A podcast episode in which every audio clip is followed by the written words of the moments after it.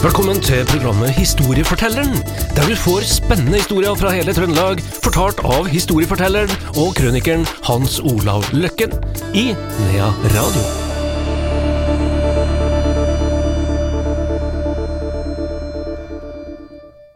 Velkommen til et nytt program i serien Historiefortelleren. Velkommen til deg, Hans Olav. Jo, takk du. Her er Hans Olav Løkken og Andreas Reitan på plass, og vi skal opp i luften igjen. Det har vi jo vært eh, mange ganger i denne serien, men eh, nå skal vi eh, opp i luften på en litt spesiell eh, måte, og med en spesiell grunn.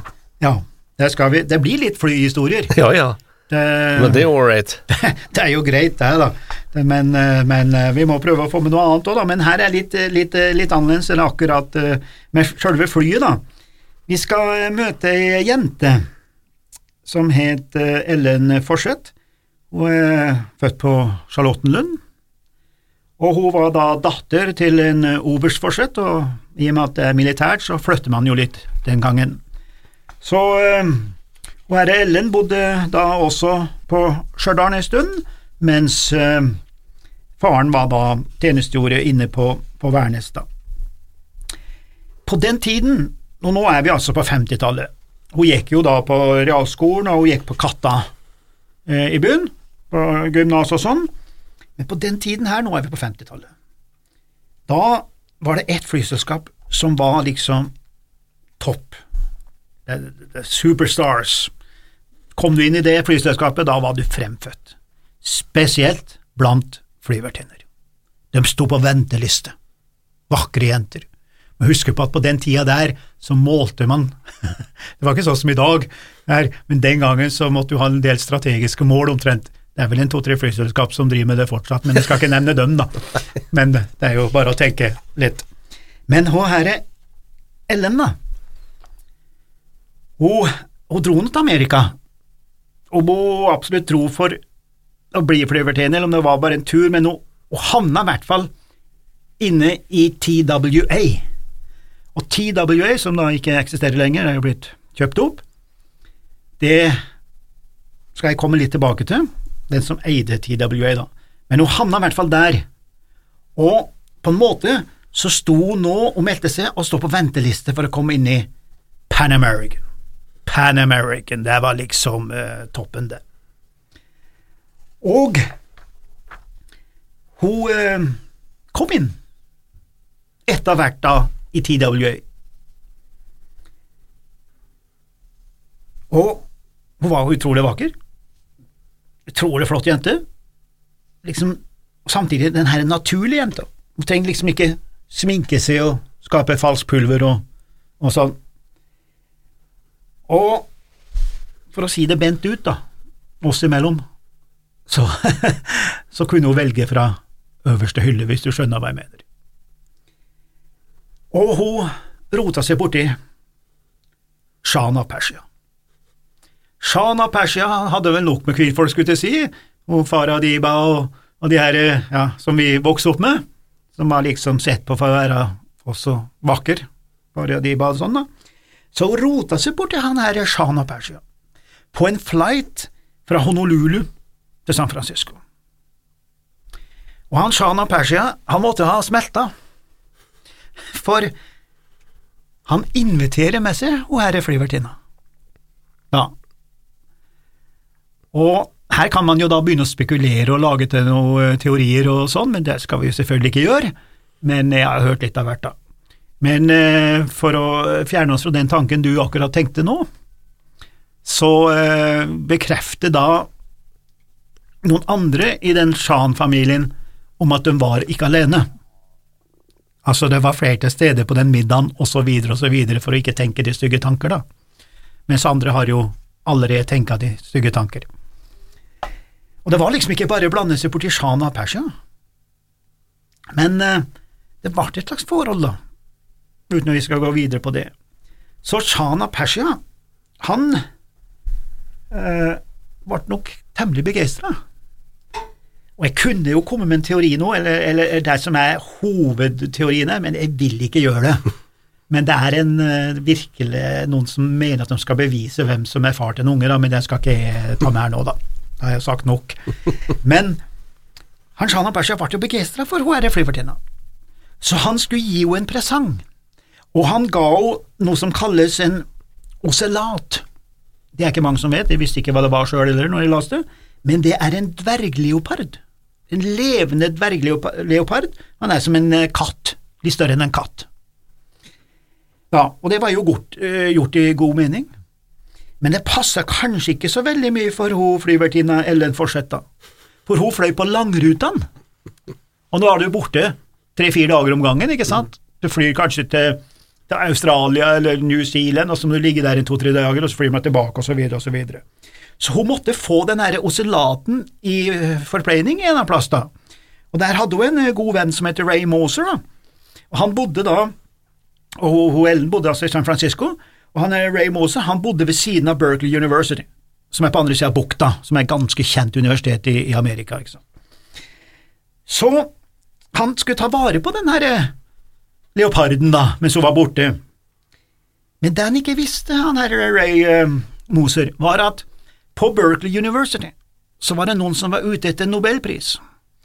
De drev og forska, det var en doktor som het Louis Taylor, og han holdt på å, å forske på noen slags spesielle eh, fjærhøns, noen slags kyllinger, som skulle få fram en klumfot, og det var et forferdelig opplegg som har pågått i 15 år eller noe sånt. Da, og han så nobelprisen eh, nå i eh, vifte der borte, ikke sant. Men så plutselig så oppdager de da en dag de kommer på jobb, de her vitenskapsdoktorene og folkene, at en av kyllingene var borte. Det er som de har drevet med i 15 år da, her og forska fram. De skjønte ingenting. Dagen etterpå så var det også en borte. Og Da var det ikke annet enn å gjøre enn å legge seg på lur og skulle se hvem innbruddstyven var. Og det var selvfølgelig det her osellatet, da, den her eh, dvergleoparden, for han har jo da funnet en utvei fra leiligheta til han her Ray Moser, og han lukta jo kyllinger lang vei, og, og tok seg en hver dag, da. Så de lå på lur og, og skjøt han her eh, dvergleoparden. Det får jo være så sin sak. Men det ble jo et forferdelig oppstyr, for hele nobelprisen forsvant jo. Hele prosjektet ble jo skrinlagt, for dette var jo et opp av en, av en, en sånn eh, lekeleopard til ei flyvertinne fra Stjørdal mm. her. Så hun kom vel omtrent på førstesiden ufrivillig også. Så, men det ble ikke slutt på karrieren i og for seg, da, for, for hun, hun, var som sagt veldig tiltrekkende dame da, i sin beste ungdom. Og Pan American kåra jo da Det var som kåringer den gangen, vet du. Har du gjort det i dag, så hadde du jo vel blitt satt inn, går jeg ut ifra. Men, eh, men, den gangen så var det kåringer, vet du. Hun ble kåra til Miss Pan American 1955 i 1955. Ble plukka ut til verdensfinalen i Johannesburg, og det var et uh, alvorlig sirkus da. Og reklamebransjen hivde seg på. Så hun begynte med en av storjobbene hvor hun begynte å virkelig tjene penger, Pepsi. Det er ikke dårlig å komme inn i Pepsi eller Coca-Cola som sånn eh, reklame, det tror jeg mange som står og venter på tur. Så kom hun for et sigarettmerke. Jeg tar sjansen på å nevne det, det eh, Chesterfield, det var jo et, eh, jeg vet ikke om det eksisterer i dag, men det var det i hvert fall den gangen. Og jeg har jo bilde av henne selvfølgelig, som sånn reklamestunt og, og så videre og så videre, men hun fortalte det at hun, hun likte ikke de sigarettene. Så hun, før hun spilte inn sånne filmer og reklamesnutter, og, og, og, og fotografen tok bilde av henne, så bytta hun ut sigarettene med en annen merke. og la oppi Chesterfield. Ja, ja. Det var jo ganske Lurer på om, om hun oppdaga det. Så den herre utrolig vakre dama, hun roter seg etter Shana Persha.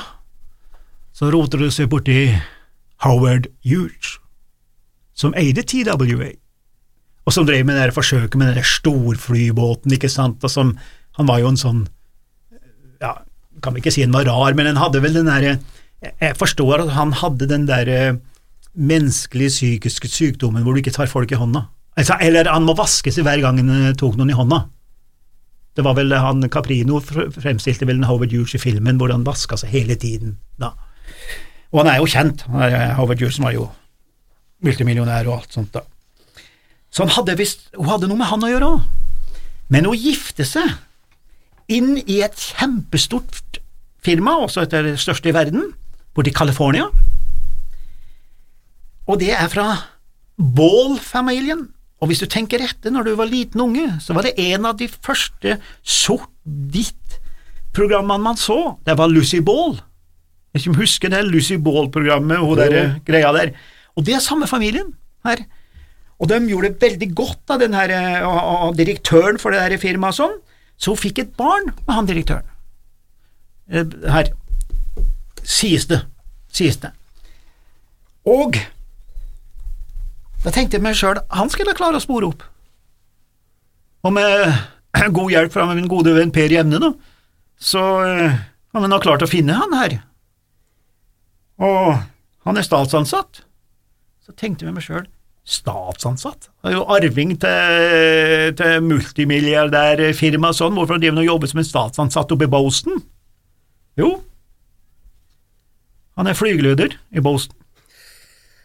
Og jeg har vært flygeleder, da, eller jeg er flygeleder. Ja. Så tenkte jeg, hva i all verden er det som har bestemt det her, at vi skal møtes? To i samme yrke? Og hvorfor i all verden er du flygeleder? Hvis du er fra en sånn familie, da. Det kan vi jo la ligge til en annen gang, da. Men det er jo litt interessant med hun herre Ellen Forseth, som ingen vet hvem er, på mange måter, og som valgte fra øverste hylle å ha omgang med til og med Shan Apersia, som er ganske så kjent, da. Og vi har jo ei anna miss på Stjørdal. Miss Mona Grut. Hun bor nå i byen, men hun er jo fra Stjørdal. Og jeg har ei datter sjøl, og da får vi vel si, da, at Stjørdal har verdens vakreste jenter.